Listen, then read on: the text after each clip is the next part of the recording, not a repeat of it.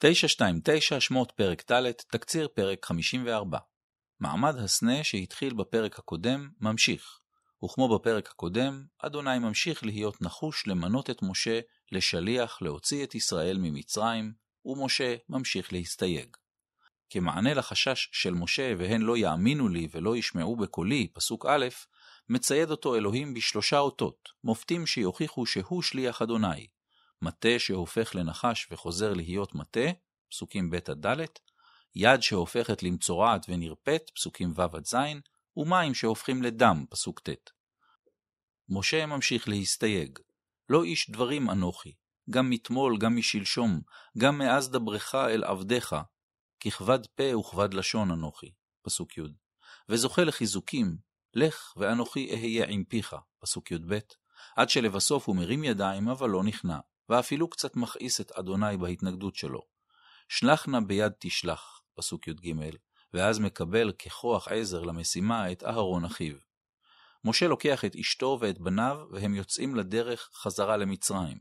בלילה בדרך מתרחש במלון אירוע מפחיד וחידתי שכמעט מסתיים במוות.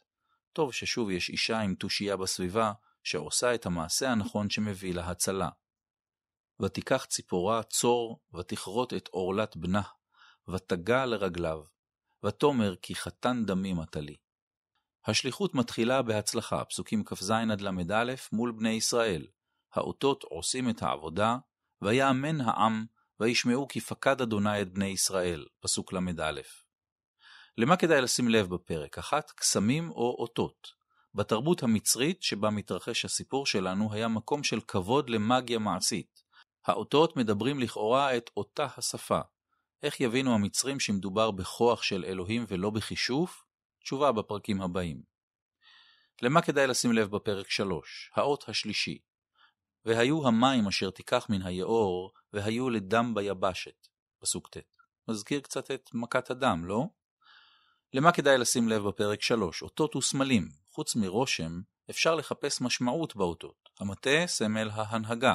הצרעת, מחלה שלא פעם במקרא פוגעת בגאוותנים, והדם ביאור, מוות בעורק החיים של מצרים. למה כדאי לשים לב בפרק 4? כבד פה. משה מעיד על עצמו שהוא כבד פה. האם זה בעיה טכנית בדיבור, קושי בהתנסחות, פחד קהל? לפרשנים פתרונים מגוונים. ולמה כדאי לשים לב בפרק 5? חתן דמים. סיפור שיש בו יותר שאלות מתשובות. למה אלוהים רוצה להמית את משה? למה ברית המילה היא המפתח להצלה? איך ציפורה יודעת שזה מה שצריך לעשות? את התקציר כתבה מרים בלומנטל.